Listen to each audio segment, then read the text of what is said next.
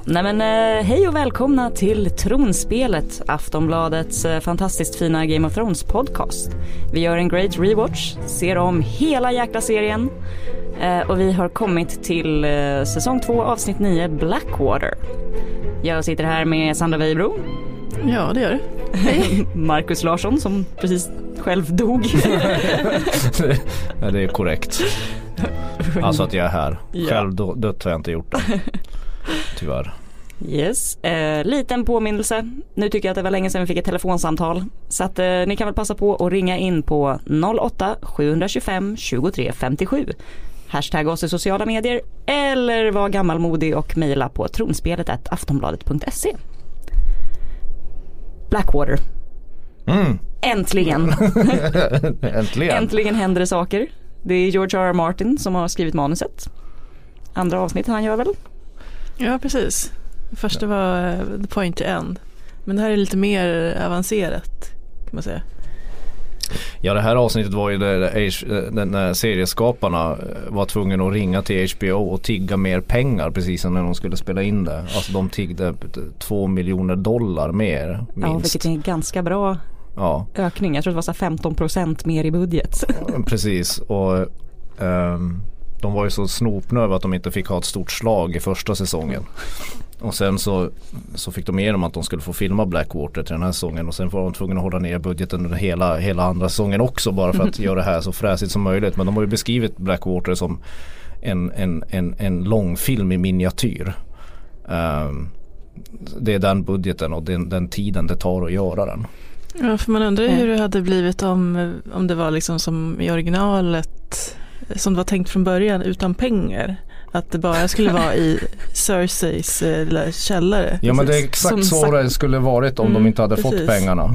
De, då, då hade de filmat det utifrån Cerseis pe- perspektiv att bara där inne i, i huset. Ja. Och Loras får komma med lite nyheter. Det händer saker här utanför Exakt. men ni får inte se dem. Exakt och så skulle de spara, vara jättespartanska slag Ja. liksom. Eh, han som regisserar Neil Marshall blev ju också inkallad väldigt sent i, i processen för att den som skulle göra det kunde inte. Och han fick sitta och hårdplugga. Han hade, inte, han hade ingen aning om vad Game of Thrones var. Så i en vecka fick han sitta och bara hårdplugga Game of Thrones. Och så vägrade han kolla på Sagan om ringen, så här, slaget vid Helms klyfta. För han ville inte vara inspirerad av det när han skulle iscensätta den här striden så att säga. Men det är ju ett, det är ju ett fantastiskt avsnitt. Ja, verkligen.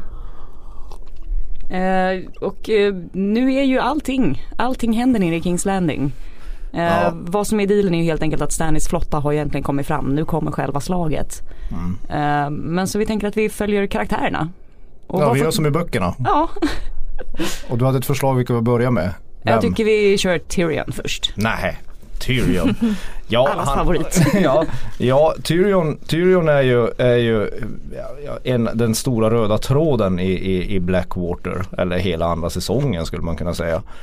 Ehm, ja du, vad ska, man, vad, ska man, vad ska man säga? Peter Dinklage själv skickade ju in det här avsnittet till Emmy-nomineringarna när han ef- efteråt. När han För blev- han insåg att han var ett proffs här. Ja, han insåg att det här hade han väl störst chans att vinna. Håller ni med om det? Ja, eller alltså han har ju jäkligt mycket bra scener jämt men Ja, här ställs det ju på sin spets på något sätt. För honom. Ja. ja, Vad jag undrar är, vad är det som driver sätt. honom? Al- Alltså jag fattar, alltså, jag fattar kanske det men, men, men han är ju hatad av alla. Av sin familj och hela staden och ändå är det han som tar på sig ansvaret till att försvara de här de här nissarna i Kings Landing. Mm, ja, det är väl väldigt märkligt och särskilt som han själv blir ju i slutet av striden så blir han liksom skadad av um, Sir Mandon som ju är i kungsvakten.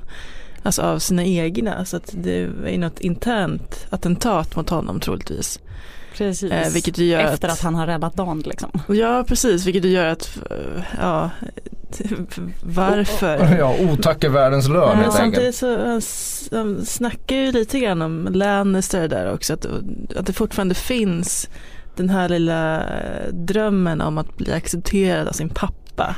Ja, det känns väl att han verkligen vill visa sig duglig eftersom han Mm. bara har varit en suput som mest hänger på bordeller liksom. Ja Och precis. faktiskt visa att jag kan göra det här jobbet, jag gör det jäkligt bra. Mm. Mm.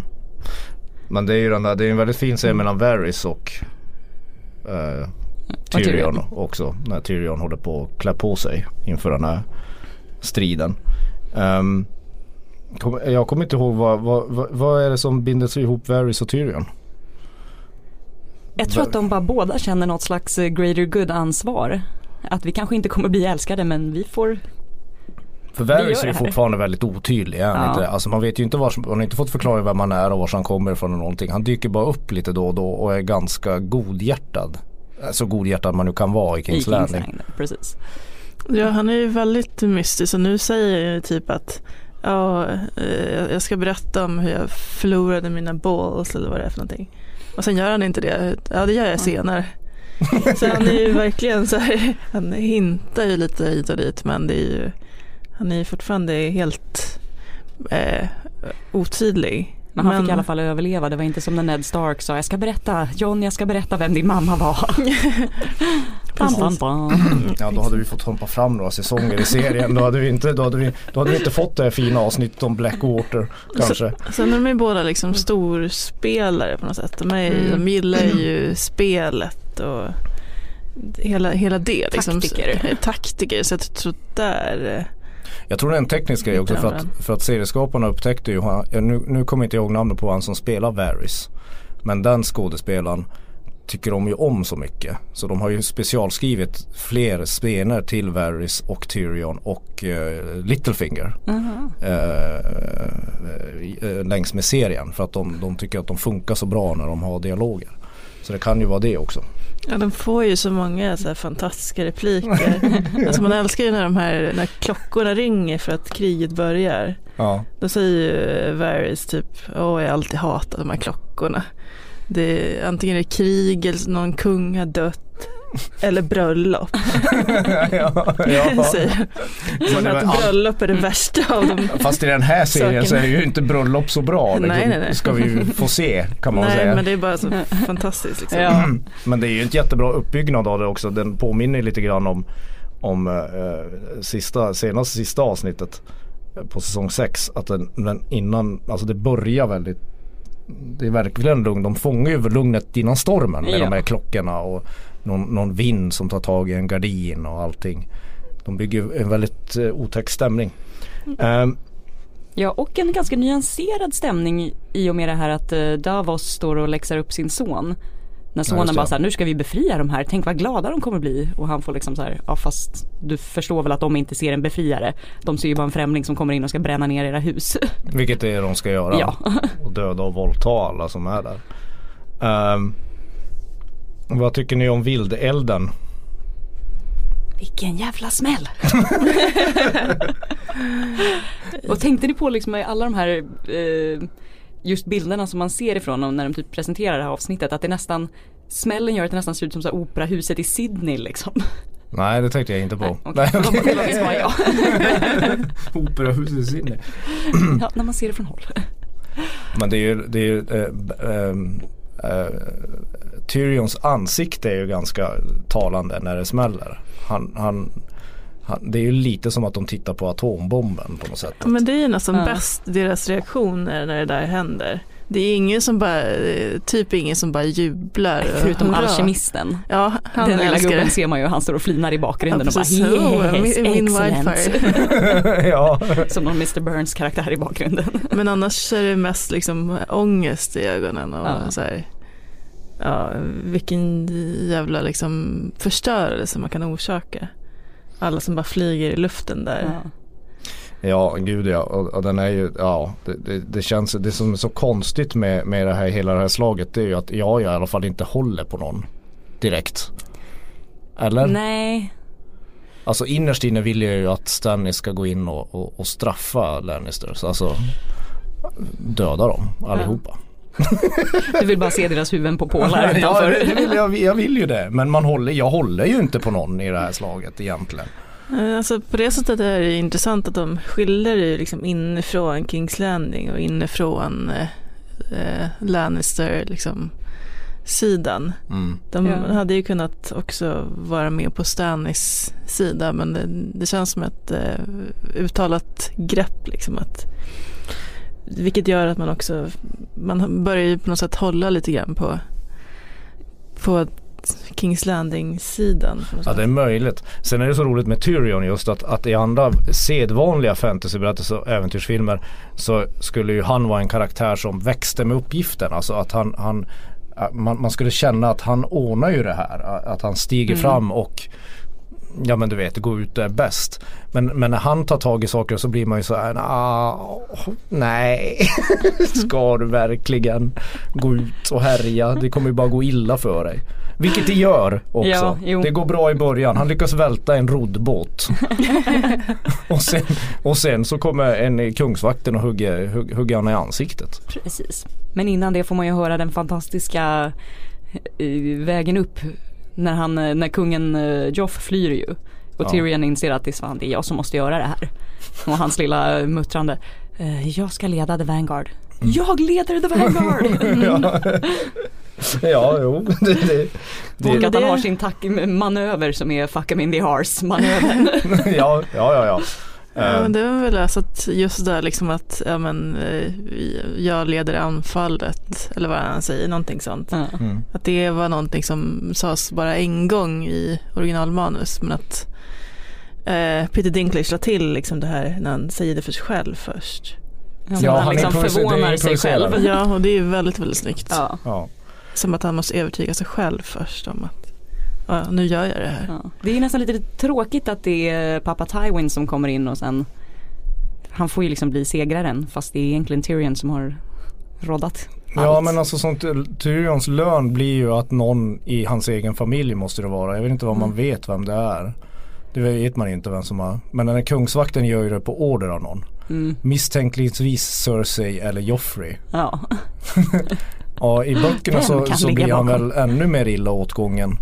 Ja, han förlorar sin näsa. Han förlorar näsan ja. Men var, varför tror ni att ni inte, varför tror ni att man inte gör det i tv-serien? Att man hugger bort Dinklage läsa?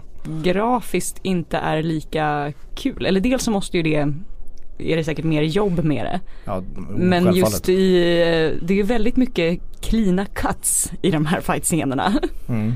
Att det där är ju väldigt litet liksom eh, streck som går även om man ser att nästan halva ansiktet mm. skalas av. För det är ju någon som får sitt liksom, huvud helt avtoppad i ett klint rup. Ja. ja Så jag tänker bara att det här liksom att det ser roligare ut. Ja, ja. Ja, det var, att det är mer nära Peter döden Dinklage också. är för fåfäng för att gå omkring med en avkapande. det är möjligtvis att den skulle skrämma bort tittare kanske om han skulle mm. vara, om de skulle förfulat ner honom. För det har de ju gjort i hela serien. De har ju gjort folk vackrare än vad de är i böckerna. Eh, Ramsey Bolton till exempel. Ja. och, och, och, och, Tion. Och framförallt eh, Dinklage karaktär är väl, är väl lite sådär frånstötande i böckerna. Jo, jo, jo, han ska ju vara så anskrämlig att man inte kan titta på honom liksom. Ja. och här är han en sexsymbol. Ja, men det är så i amerikanska filmatiseringar. Mm. Men det finns ju, det finns ju fler i den här stilen. En annan, en annan båge, en annan, en annan som stiger fram lite grann det är ju hunden. Jycken Sanna. ja precis. Och det är ju också lite liksom oklart mycket av hans handlingar här. Det, det börjar ju med någon slags uh, byxdragsmätning här mellan honom och Bron. Och ja. de verkar ha någon slags liten rivalitet här vilket ja. man undrar vad, det, vad den liksom Men har de etablerat det? Nej för det är massa bara, har de mm. ens hängt? Precis, varför ska de stå där och liksom uh, ja, hålla på och köta med varandra? Gräla liksom ja, innan slaget. Ja, jag, jag har ingen aning. Det är som att det, ja men det kanske, ja de, de stora liksom så här, krigarna här. Mm. Att de har lite olika stil också. Bron är ju den här playern, han sitter där med en naken kvinna på knät. Mm. Medan Hound är mer, han är liksom bara den fyrkantiga, lite mer liksom bara mördarmaskinen. Ja, buffliga gör dig själv ja. eh, mannen. Precis, inte, inte så mycket liksom taktik och smartness utan mer bara brutal Röj. kraft. Ja precis, att det kan vara det. Liksom. Ja, det är fortfarande så himla konstig scen att varför ska den här tjejen sitta där naken på hans knä? Ja men det undrar jag också. I ett helt stort rum, skulle han ligga med henne liksom på bara bardisken där eller vad var tanken? Ja, det det är känns bara jättekonstigt. Ja, men det är den här, det, det som Game of Thrones fortfarande körde här som var liksom helt omotiverad nakenhet hela Mm. tiden. Ja exakt och den här scenen tydligen mellan Bron och The Hound det, um, det, det fanns inte med i George Martins originalmanus och då, då pratar jag inte om böckerna utan han har ju skrivit det här manuset, det här avsnittet och det lade också serieskaparna till den här scenen efter, efter eh, mellan Bron och The Hound helt enkelt. De tänkte väl bara att det är krig, vi måste få lite naket. Ja men alltså man förstår ju alltså man förstår ju inte, dels så förstår man, har de ju inte etablerat innan att The Hound och Bron skulle vara någon sorts ärkefiender eller Ja. ens vara i luven på varandra. Två, de har ju verkligen inte etablerat en kvinna, en, en naken kvinna i knät. Alltså det, den, den är helt omotiverad liksom. Ja, det, det kan ju mer vara för att etablera dem som figurer och spelare i det här slaget sen som de Mm. kommer bli. Att det här är liksom det de gör när det börjar. Att man har liksom alla personer vad de gör. Att det är mer någon sån tanke att de vill Ja. ha liksom med dem där i början också. Men den här, ja den är väldigt märklig. Men där får de ju också med den här låten, den här sången. Som The Rains of Castamere. Precis, som, de tydligen, som tydligen Tyrion hade nynnat på i några avsnitt tidigare och som liksom blir någon slags jag tror om det är The National som sjunger den i slutet av avsnittet också. Yes. Det är korrekt. Och den kommer ju återkomma sen också med eh, Sigurd Rös. Ja om exakt nio av, av, avsnitt eller? Ja, ungefär så. Ja, ja. Dyker upp igen. olika versioner. Är det här Ja, den det- enda låten som hörs i den här serien eller? Eh, the Bear and the Maiden Fair tror jag är en låt man får höra också. Det är sådana här låtar är ju sånt där som fantasynördar älskar Gillar, att lägga precis. Jag fattar inte det. Är fantasynördar någon sorts nördarnas version av kö, de som sjunger i kör? Jag tänker mig snarare så KTH-gask. liksom att de Ja. gillar att skriva festliga visor. Ja Och exakt. rimma på snusk liksom. Ja. Mm, men den här hand, handlar väl ja, absolut. Den här handlar väl om något gammalt slag för 40 år sedan när Tywin Lannister vann över de här Castameres. Mhm. Någonting sånt. Men eh, så det känns ju också som att det är en rätt den, det är lite ändå, det är en krigsvisa men den är ändå lite sorglig liksom. Jaha. Vilket Mm. också sätter upp någon stämning för hela slaget. Eh, och sen är det ju, ja The Hounds resa under den här slaget ifrån att han är liksom med där framme och fightas till att det händer någonting där. Ja. Det, väl, det kommer liksom den här elden. Han gillar inte eld. Nej precis, en Vilket man kan förstå. återväcker Ja. gamla barndomstrauman. Men han får väl lite PTSD liksom. Ja, Ja. en posttraumatisk stress mitt Ja. i Ja, när han bara- behövs som mest. Ja precis, för plötsligt bara nej nu skiter jag nu går jag. Ja, för att han, när han rusar ut så säger han ju liksom om, om han träffar på någon soldat med ett svärd som inte är blodigt efteråt så, Mm. eller ens om ni så är döda med ett oblodigt svärd så ska jag våldta era lik. Mm. Vilket är ju kul för jag som har skällt så mycket på de dåliga peptalksen. Mm. Det här är ju liksom ett ganska bra hotfullt peptalk ändå. Kort, koncist. Ja precis. Jag ska våldta jag ska lik. våldta era jävla lik om ni inte... Ja, ja. Och han verkar ju mena det när han säger Ja. det. Men sen går han ut på stranden och så, och så, och så, så går han tillbaka igen. Precis. Ja, nej, som att han aldrig varit med om eld i slag förut. Ja. Eller äh, händer det här varje gång det är liksom, han råkar på en eld? Ja men alltså de har ju faktiskt etablerat att The Hound är ju rätt missnöjd med sin situation. Han Ja. hatar ju Joffrey och han vill väl inte dö för de, för de där Nej han skiter ju i dem liksom. Nej, Ja. så nu, nu han får nog helt enkelt. Nu, nu. Nu får det vara nog, Exakt. Ja, och så får man ett av de klassiska Hound-citaten. Ja, det är ju underbart. När, det- om det är Joffrey som försöker beordra honom att gå tillbaka ut på slaget. Så säger han bara fuck the King's Guard, fuck the city, fuck the king. det är så härligt. Vilket Ja. också återkommer i ett senare avsnitt. Gör det? Just fuck the king. Jaha, vem är det som säger det då? Vad hade Hound när han är ute med Arya? Fuck the king. Ja, Ja, men han ja, gillar det- inte kungen. Helt enkelt. Det gjordes massa coola gifs av det här sen. Ja men det känns som att eh, här uttrycker ju verkligen The Hound vad alla känner på något sätt. Exakt. Ja men alltså som tittare så håller man ju bara med honom. Mm. Alltså det, det, det, det, det, man har väntat på att någon ska säga det. Han skulle ju gärna fått köra svärdet i röven på Joffrey när han väl gör det. Men, Mhm. men den glädjen får man ju inte. Nej, och den, den sista märkliga The Hound-vändningen sen är att han dyker upp i Sansas rum. Ja, sitter där och dricker vin bara. Ja, exakt. Och eh, ja, man vill... Ja, det är som att han vill liksom prata med henne en sista gång. Little Bird, som man kallar Mm. henne. Och då undrar Mm. man ju, han har ju räddat henne tidigare och han har liksom försökt, man undrar lite grann var den här eh, ömheten kommer ifrån inför just Sansa. Ja, för nu erbjuder han ju liksom att ta hem henne till Winterfell som är ju hennes högsta dröm. Men hon säger ju nej. Det är det här, jag, jag fattar Mm. inte det. Men jag tror hon litar väl inte på honom. Alltså nog för Nej. att han har räddat och räddat henne men hon har ju fortfarande blivit misshandlad och slagen liksom. Ja, han lägger ju inte upp det så bra.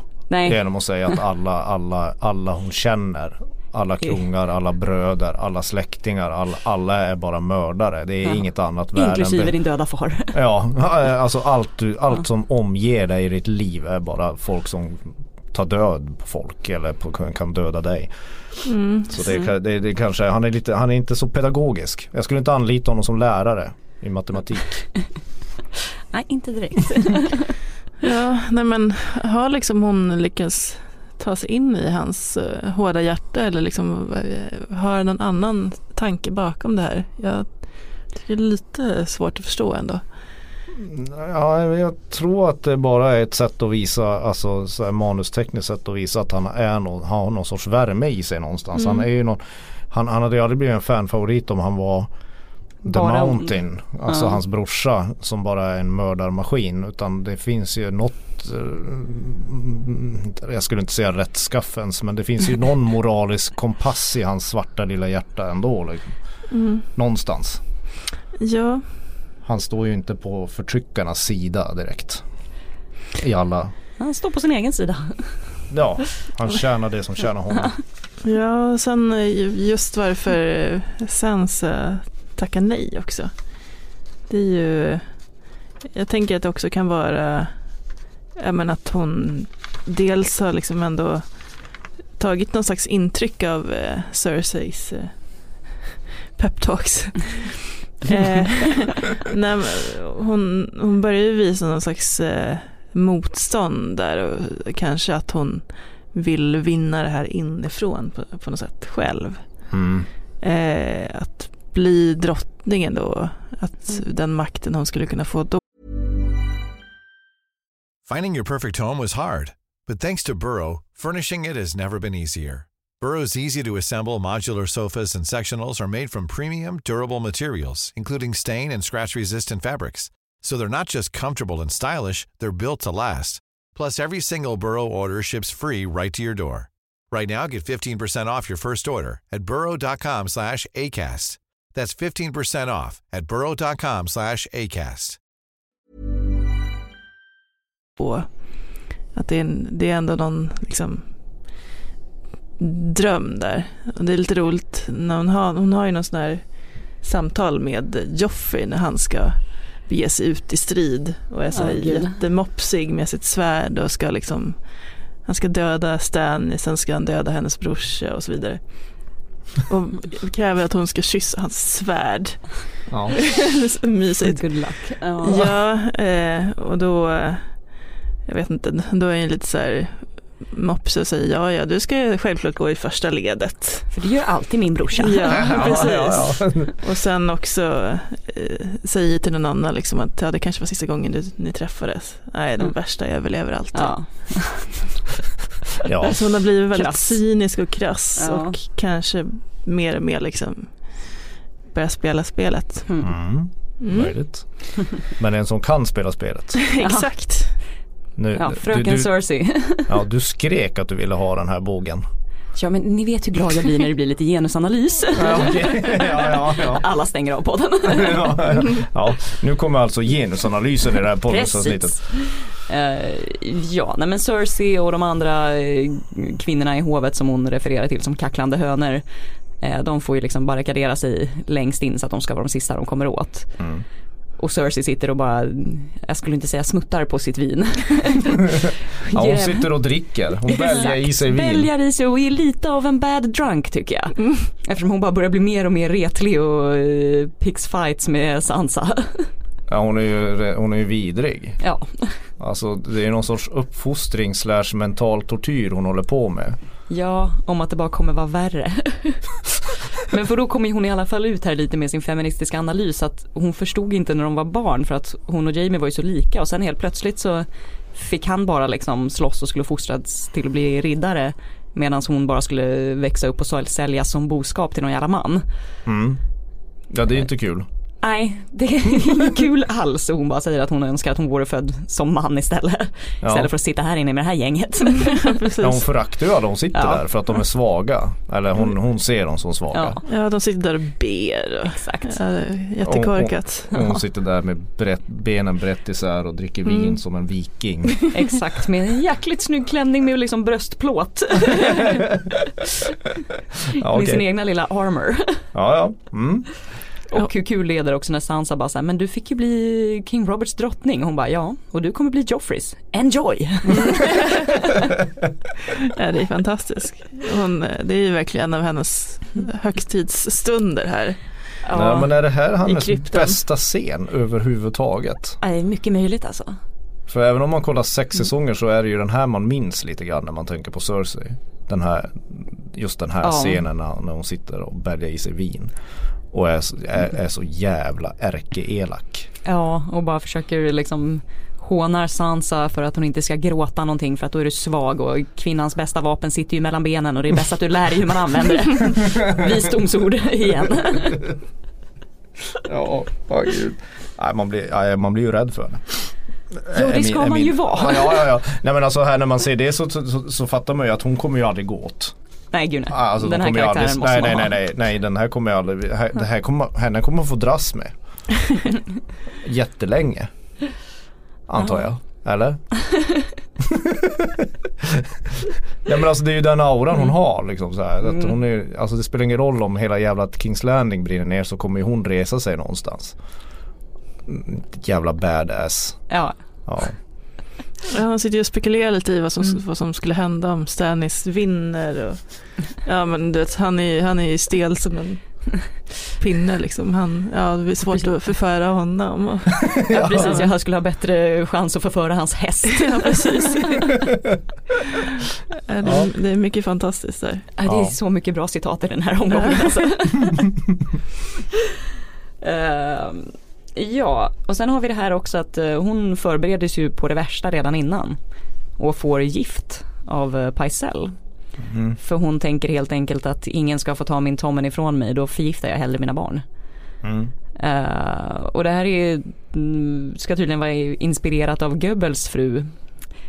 Eh, Jaha, lite ja. nazi-inspiration här då så att, eh, för men de förgiftade sina egna barn när, eh, när de insåg att nu går det inte längre. Ja men Tywin, Cersei och Jamie är väl så typ Ja. lite, det är lite nazister över dem. Ja. I alla fall i början av. Ja, de hade ju rätt många barn, Goebbels också. Det var väl var det sex, sex, sju barn eller något sånt där. Ja, jäklar. Det var hemska bilder därifrån. Ja det beror Ja. ju på hemska och hemska. Jag vet Ja. inte. Ja, men, ja. Mm. Cersei, Jag ska kanske Eva inte Brown. Gå, nej, ja. Det är inte så att man sitter och gråter sig till sömns över nazister. Nej men Ja. deras barn kanske kan få leva i alla fall. Ja, möjligt. Ja det var väl arvssynden där då. ja, nej det är synd om barnen att de, barnen väljer inte sin pappa. Det vore ju hemskt om man vaknade upp och hade gubbar som farsa eller Mm. Tywin Lannister. Då hade man kanske inte blivit så Men snäll. det är lite pest eller kolera där. Ja, ja, precis. Men hon har Tommen där men inte, inte Joffrey. Nej, Det är ju också märkligt. Vad skulle hon göra med Joffrey om de skulle förlora? alltså jag tror att hon bara tänker att de måste ju mörda kungen, låt dem, Ja, hon- låt dem ha hans huvud. Ja, det känns, känns, känns inte som att hon älskar honom lika mycket som Tommen Nej. till exempel. Eller Mar- Marcella? Nej, Marcella är väl Ja. favoriten. Ja. Ja. Nej men hon, det har väl kommit fram i den här, hon har ju antytt i den här säsongen också att Joffrey är ju inte hennes älsklingsbarn direkt. Det- hon har ju jobbig faktiskt sen födseln. Ja. hon, har ju, hon har ju faktiskt sagt att, att, att, ehm, Ja, fan vad hon sa i förra avsnittet. Hon är, att han kan vara liksom resultatet av hennes synder med sin det. egen bror. Det är karma det Straffet för handlar våra om. synder. Ja. Men, eh, men Tommen vill hon eh, döda om det skulle vara så. Hon är väldigt nära också. Mhm. Men ja, Sen kommer Tywin och det är ju Förstör en klassiskt festen. bra tv-dramaturgi när de har giftet mot läpparna. Precis, plötsligt dyker de Ja. bara upp. Ja. Och på något sätt tycker jag ändå att det är lite härligt när Tywin får komma in och bara så, vi vann. För att han, det är, no, det är ju någonting med hans pondus. Som Ja, gör jag att man bara säger yes och sen bara Nej fast vänta jag gillar ju inte de här människorna, jag hade glömt det. du verkar ju gilla dåliga män överhuvudtaget. Så menar det. Förutom Gendry. Hallå jag hejade på Gendry och Podrick. Ja ja, men förutom det. Men, men, men känner man, jag känner mig bara uppgiven när, när, när, när Tywin kommer in och, och säger att vi vann. Det är ju som att ingenting har hänt då.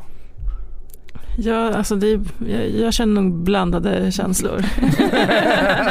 Okej. Även både och liksom. Jag vet inte, man, man hatar de här personerna men samtidigt så, ja men till exempel Cersei är ju, ja, hon är ju underhållande ändå. Ja, hon är så cool. Ja, hon, Ja, ja, jo, men det håller jag med hon är en bra seriefigur, eller liksom Ja. tv-seriefigur. Mm. Så eh, jag vet inte. Men får man etablerat någonstans att, att Tywin är ens på väg till Kings Landing? De, de döljer det va? Alltså För- de håller ju på och snackar där runt hans eh, runda bord i Harrenhal jättemycket. Ja. Men jag tror bara att de liksom bara, bara babblar om att säga ja jo där kanske man borde åka och skydda dem och sen så bara för han säger väl att de ska rida ut mot Rob Mm. Ja. åka västerut istället för söder. ja, det kan ju vara en taktisk fint sådär men det är ju väldigt, de, det, det, det är ju lite så här Rohirrim i slaget om Minas Tirith, om ni minns det. I, i, sagan, om- I Sagan om ringen. Att de bara kommer på slutet och rensar. Eller, eller det, jag pratar inte, de döda är det väl? Är det i- den där klyftan? Nej inte hemsk klyfta. Inte ja men då är det klyfta. Det är två sådana Ja. slag i Sagan om ringen som löser sig på slutet. Det är för att det kommer en lite försenad armé Mm. i perfekt timing. Så. Ehm, och det är ju verkligen så här också. Ja, men det är ett klassiskt liksom, Mm. ingripande från George R. R. Martin. Jag tänkte ju säga Gud, Gud. men det är Ja. samma sak. ja. Eh, som jag också, eh, spoilervarning, återkommer i säsong 6. Mhm. Sen i en viktig scen i, Battle of the Bastards. ja exakt. Ja men nu har vi spoilat det Ja. också. Ja, men, men, ja, det, Ja, man kan vad- säga att det kommer en massa ryttare då också. Precis, men vad, vad tycker vi om det här med att eh, hela avsnittet koncentreras runt det här slaget? Ja det är ju naturligtvis bra eftersom Blackwater är ju, tycker jag, den här säsongens bästa avsnitt. Och bästa Mm. avsnittet hittills i hela serien. Eh, det, det, är den, det, är den, det den skapar Blackwater det är ju en formel som de sen inte kommer bryta. Det vill säga att avsnitt 9, alltså näst sista avsnitt i varje säsong, det är då eh, Game of Thrones når sitt klimax i sina bågar per säsong. Och sen är oftast avsnittet efter en, en uttoning där man berättar lite Samla grann upp liksom. samla upp vars alla olika sidotrådar är och visa vars det är på väg. Men det är ju det att eh, i alla fall i början av serien så, så sparar de så fruktansvärt mycket dramatiskt krut till Blackwater. Så nästan den andra, de, de säsongerna blir lite stillastående i väntan på det. Ja, Det blir lite annorlunda sen ju längre vi kommer in i säsong 4 och säsong 5 och säsong 6. Men, men, men visst, ja, jo men jag tycker det nog är bra. Det är ju en, det är ju en payoff i alla fall. ja plus att det är ju det är ju alltid kul att de mixar upp formen lite. Ja, Om gud ja. det så enkelt Men, men liksom. vad tycker, tycker ni att de borde, borde de göra oftare? Ja, det känns som att de skulle kunna, som vi har sagt ibland, att de kan plocka bort liksom, ja, vissa av de här sidospåren. Eh, Kath. Ja, exakt. Ja, Ka- jag, jag, alltså jag har glömt det, Karf är ju Dawn. Alltså det är ju för, föregångaren till Dawn. exakt, det För är det. Daenerys Targaryen går ju bara omkring och, och vad fan gör hon där nere? Hon, hon, hon går Ja. omkring och ser förvånad ut och, och undrar var hennes drakar är i en hel säsong. De väntar på att Mm. drakarna ska börja Mm. växa lite. Nej, det, är, Ja, ja, det finns en kunna del dra ner på. precis, meningslösa delar som de skulle kunna Mm. i alla fall sk- skjuta undan lite mer. För det finns ju en hel säsong när man inte är med Bran. Så då kan Ja. man ju lika gärna inte vara med Jag menar Dawn Gör bara något kunnat- avsnitt liksom, bara skippa dem. Så som Jamie, vi- det, det här pratade vi om förra veckan Ja. också med att Jamie får man ju, Ja, han missar ju ett par avsnitt liksom. Och det gör ju inte så mycket. Nej. Men, men eh, hur rankar ni eh, Hur rankar ni Blackwater? All time? Oh, det måste i alla fall vara åtminstone topp fem, Ja. Ja, tänker jag. kan det nog vara. Nu är jag bara så här, eh, som spelledare här eftersom jag har läst böckerna så är jag ändå lite besviken. ja För de har ju dragit ner fighten något så otroligt Ja, men ifrån alltså, och de hade så roliga inslag.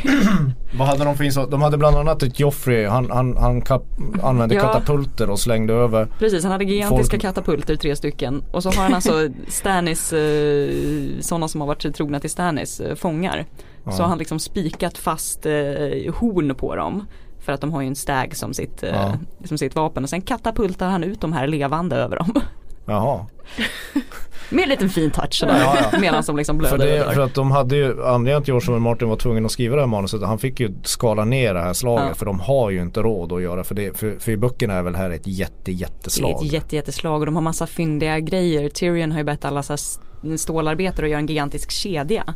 Så de väntar på att alla Stannis skepp ska åka in i den här bukten. Och sen reser de en kedja från vattnet. Så att alla är ju fångade här inne medan de sätter eld på dem. Så de kan liksom inte börja dra, dra sig tillbaka. Jaha. Vilket är ju Så, smart. så, så det du säger är att det här är ett av de här grejerna man ska läsa om helt enkelt för att du får mycket mer för pengarna. Ja, ja jag blir jag nästan sugen att läsa den där boken. Ja plus att det är liksom häftigt så här, eh, båtarna fastnar i varandra och de håller på och rider över båtarna. För att det blir liksom som, de, det blir bildas som broar och grejer. Jag är liksom normalt sett inte för stora slag för jag tycker att det brukar vara rätt jäkla tråkigt men just den här hade jag velat ha mer av. Så, så du, du, du går härifrån med en känsla av besvikelse trots allt. Nej, jag är rätt nöjd ändå. Har vi någon pliktrapportering? Nu har vi tagit upp det mycket. Vi ja, har ju, vi, du, du har ställt lite frågor här. Bland annat att har Sir Davos en son? Ja, ja, ja men det är, jag är ju den dumma i det här podd, poddrummet. För jag, jag framstår ju alltid som idiot i de som lyssnar. För att antingen är, jag kanske är disträ men men, men jag visste inte att han hade en son vid liv. Men det Han är ju sonen fakt- han står och pratar med i båten. Han dyker Mattos. upp, Mattos, han dyker upp i eh, avsnitt ett i säsong två. Ehm, Det ser man. Japp. Ja. Eh, det första gången man får träffa Stannis och Melisandre och Davos och dem. Eh, när de står och bränner, bränner de här gudafigurerna på stranden. ja just det. För han är ju lite besviken för, på farsan för att han inte tror på den här nya Lord of Lights. Alltså det, det är hans son alltså. Mm. Ja det missade jag. Nej, förlåt men det gjorde jag. Det kanske inte är supertydligt. Nej. Men brons eldpil det är väl fantasy så det stänker om. Alltså, jag vet inte vad man kan säga mer än vilken jäkla boss. ja, Magnus Edlund får lördag över hela kroppen när han ser den. Liksom. Det är fint. Ja och att han sätter den. Mm. Och han sätter den bara, han behöver bara en. Ja. Han behöver bara en pil. Och det är, det är ett långt skott. Mhm. Alltså han ser ju knappt ut där i mörkret. Men han, Ja, han ska träffa en liten båt bara. och, han, och det roliga är när han, han, han, han, suckar nästan när han gör det. Bara, Ja fan då var det dags. Nu ska jag göra en ikonisk scen här. Då. Ja, Ja. nu kör vi. och Och ännu mer hur krass, eller hur krass och tråkig Stannis är. När efter att liksom halva hans flotta har brunnit upp eh, och han bara, men nu kliver vi i land. Medan Mm. folk bara, men vadå, ska vi verkligen, ska vi inte bara vända om? Hundratals kommer dö. Och han bara, tusentals. nu går vi. Ja. Ja. Jag fattar inte, de, de hade ju ver- verkligen ingen hjälp av en röda pressinnan eller hennes eh, Lord of Light här kan man ju säga. Nej det går ju absolut inte bra. Hon är väl inte ens med Nej, hon är där. inte ens med och det kommer de väl hålla emot. Eller hon kommer hålla det emot dem. Men varför har Sir Loras Tyrell eran favorit? Varför har, bär han Renlys rustning? Ja, jag tänkte att här kan vi kanske, ja, precis. Först tar vi in ett litet eh, lyssnarmail eh, här som vi fått av Sofie Petersson. Hon skriver, hej hopp, har för mig att spöket som alla pratar om efter Battle of Blackwater, en av Loras Tyrells bröder, som tyvärr inte existerar i serien, som har tagit på sig Renlys rustning och krigat lite i. Det var rätt länge sedan jag läste böckerna dock, så jag kan, kan ha fel. Anyway, älskar podden. Det är kul. Tack. Ja. ja, men kan vi reda ut det här med Renlys rustning? Eh, ja, det här, eh, han har ju två brorsor, Renly. Garland är den som egentligen Ja. är den bättre, sorry, är den som egentligen är bättre på att fightas. Eh, och sen så har han en halvlam eh, brorsa också som heter Willas tror jag. Men de Eh, är inte med alls i Nej, de serien. existerar inte. Ja. Eh, men så eh, i böckerna så är det då storebrorsan som har rustningen på sig för att eh, Renly var lite större så Loras passar inte den. Eh, men vem är det som har föreslagit det här om inte den ständiga Ville Vesslan, Littlefinger? Va? Ja, det är han som säger att så här, kan inte du kriga i Randys rustning?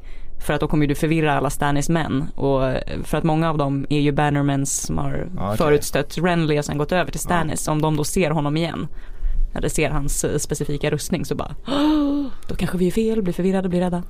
Men varför, nu är det Laura som får bära den. Mm. För att eh, Ja, då, Det tror det de här- att, då tror de att Renly är återuppstånden från Ja de döda. precis. Mm. De ska Ja. skrämma folk vilket inte alls det här känns ju bara som en liten planterad godbit för det här kommer ju inte återkomma på något sätt. Nej, Eller det reflekteras ju inte över och det är ingen Nej. som pratar om det. nej, nej, det gör nog inte någon heller. Men ehm, ja, men apropå det så det är kanske dags att blåsa i, i, i spoilerhajen. Blåsa, trycka på den. Ehm, och det är då signalen för att alla ni som inte vill veta någonting om vad som händer efter säsong två eller framförallt i säsong sju. Den kommande säsongen. Precis. Ska jag Eh, sluta lyssna nu? Yes. Jag Men, det har ju, vi har inte fått loss så mycket. Nej, eh, jag tänkte först bara nämna lite, jag tror vi har gaggat i något tidigare avsnitt om eh, muren och att den kommer falla någon gång, Ja. troligtvis under eh, säsong sju eller åtta. Eh, och jag vet inte riktigt vad vi, vi var väl lite otydliga där och eh, så Ja, det- det här är väl jag bara fick, jag lösa fick, teorier. Ja, precis, jag fick lite bannor av en kollega på tidningen som heter Niklas Wendt som eh, eh, tyckte att ja, men det, var- ni minns väl att det var i när Bran tog i Nattkungen i den här drömmen som ju Nattkungen kunde se honom och det Ja. var ju där liksom som ja eh, det, det är därför man tror att muren kommer falla. Vadå, att han, att han tar på någon i en dröm och får någon sorts virus av nattkungen som Ja, det gör då- att det, det viruset natt- kommer Det är äta då upp Nattkungen muren. hi- kan hitta honom. Ja. Men jag Det är förstår inte varför jagade. muren ska falla. Ja men för att han har liksom eh, eh, orsakat någon slags förbannelse där i det här mötet med. Mm. Okej. Ja, lite långsökt men väldigt fantasy. Ja, Mm. Återigen. Precis. Så att nattkungen tar honom i en, I en dröm, dröm. gör Ja, att när Bran visslande kommer knalla, knalla förbi muren så kommer han säga oh shit och så rasar muren ner. Ja, men det är då, Det är eh, otroligt effektfullt. Det är något avsnitt där i sjätte säsongen när eh, Ja men där eh, Max von Sydow dör. Ja. Mm. Eh, och det är då, det är för att eh, i Bran i drömmen liksom har lockat Mm. Till sig nattkungen. Ja, alltså jag köper ju hela den grejen att han nu kommer kunna spåra honom för att han på något sätt känner honom när han har tagit det. Men jag vet inte om jag köper att muren skulle rasa just på grund av detta. Jag tycker fortfarande det är höljt i, i dunkel varför, Mhm. varför muren ska rasa på grund av att Bran passerar. Måste man inte riva den på något annat sätt? Det här är en magisk mur, Marcus. Jag tycker, det är, jag tycker inte det är trovärdigt. Och sen så måste väl sägas också att förmodligen alla de andra som sitter med de här teorierna de är väl lika mycket snillen slash idioter som vi liksom. ja, en så att det är att säger att det är så här. Det här är en ju teori är ju att nattkungen väcker en drake och så får draken bränna ner muren. Exakt. Det låter ju mer som min, min, min lösning på det hela. ja, och Marcus du har hittat lite glada nyheter också. Ja precis, det, äh, äh, sandormarna eller två av dem har synts i, i hur säger, vi, säger man det här?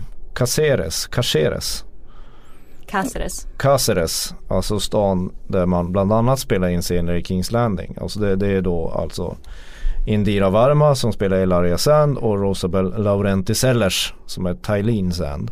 Jag vet inte om jag uttalar dem där rätt. Men de har i alla fall eh, si- siktats nyligen där i stan. Well, well, well. Ja. Och, och tydligen så har någon lagt till här Euron Greyjoy. Ja, precis. Det kom några bilder också eh, häromdagen. Eh, eller ja, Är han där det också? Ja, precis. Han har också setts där. Eh, så att man undrar lite grann om, om det blir någon härlig story med sandormar och eh, Euron Greyjoy som Sand. vi kommer njuta av här under säsong 7. Eller? Jag hoppas det blir roligare ändå i alla fall. Ja, Och fast sen- sandormarna vill väl, eh, de vill väl ta koll på Cersei liksom. Ja, De vill ju döda Lannisters. ja det, det är jag all for. Mm. Eh, och sen har Lena Headey, The Mountain och uh, Valdau, alltså Jamie Lannister, siktats i Dubrovnik i Kroatien. Mm. Ja, vi har väl gaggat tidigare om att eh, Dubrovnik var helt borta men det verkar inte vara det. Nej, du, Dubrovnik gör comeback Precis. säsong 7 och alla är glada. Ja. Ja, ja det är väl det. ja. Ja, Jag vet inte vad man ska utgå från det. Vi vet, vi vet fortfarande ingenting om, om det här är scener som utspelar sig i Kings Landing eller i Castle Rock eller någon annanstans. Liksom. Men ja, Euron Greyjoy kommer bli den nya äcklet som vi ska få hålla reda på och hata. Mm. Det är vad jag vill. precis. Någon måste ju ta över efter Ramsey. Ja, och då kommer Euron. Exakt. Att man aldrig slipper dem. Ja. Men hörni, nu är det kanske till och med ett eh, nytt år också. Ja, det är Och då vet ni vad ni ska göra. Ja, Nej men mejla oss på tronspelet aftonbladet.se, hashtag oss i sociala medier. Eller jättesnälla det är ett nytt år, ring in på 08-725 23 57. Valar Morgulis. Valar då hejrus. Hej då.